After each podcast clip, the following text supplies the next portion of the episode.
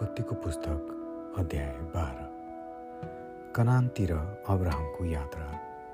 परमप्रभुले अब्राहमलाई भन्नुभयो तेरो देश र तेरा कुटुम्ब तथा तेरा पिताका घरबाट निस्केर जुन देश म तँलाई देखाउँछु त्यहाँ जा।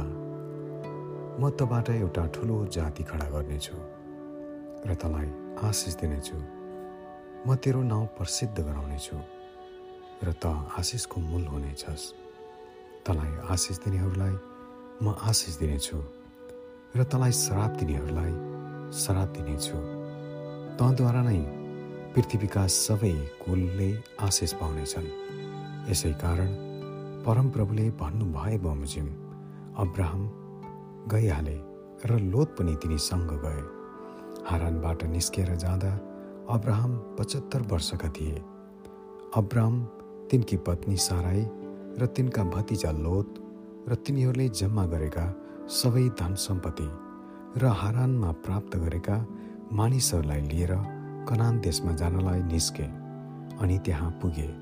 अब्राहम त्यस देशबाट भएर सकेममा भएको मोरेका फ्लाटको रुख भएको ठाउँसम्म पुगे। त्यसबेला त्यस ठाउँमा कनानीहरू बस्थे। परमप्रभु अब्राहम कहाँ देखा पर्नुभयो र तिनलाई भन्नुभयो म तेरा सन्तानलाई यो देश दिनेछु।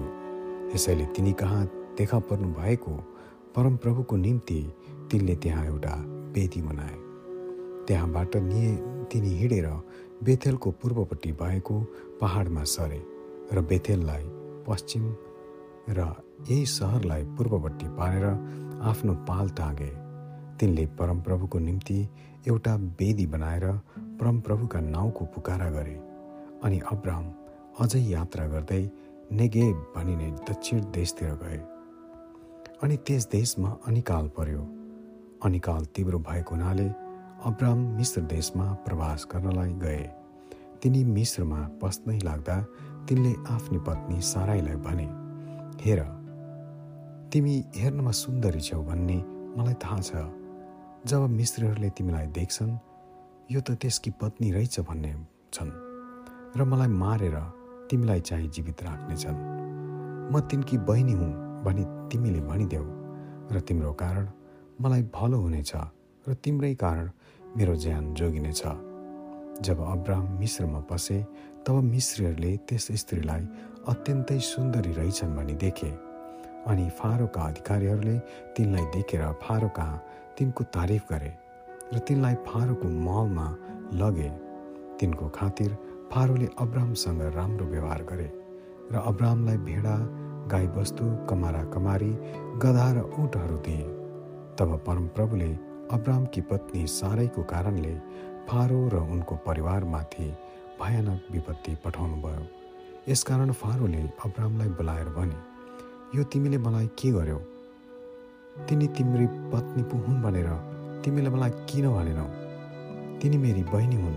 भनेर तिमीले किन भन्यौ? यसैले मैले तिनलाई मेरी पत्नी तुल्याउन लगेको हुँ। अब हेर तिम्रो पत्नी यहाँ छिन्। तिनलाई लिएर जाऊ। अनि फारोले आफ्ना मानिसहरूलाई तिनको विषयमा हुकुम गरे र तिनीहरूले अब्रामलाई तिनकी पत्नी र तिनीसँग भएका सबै थोकहरू पठाइदिए। आमेन।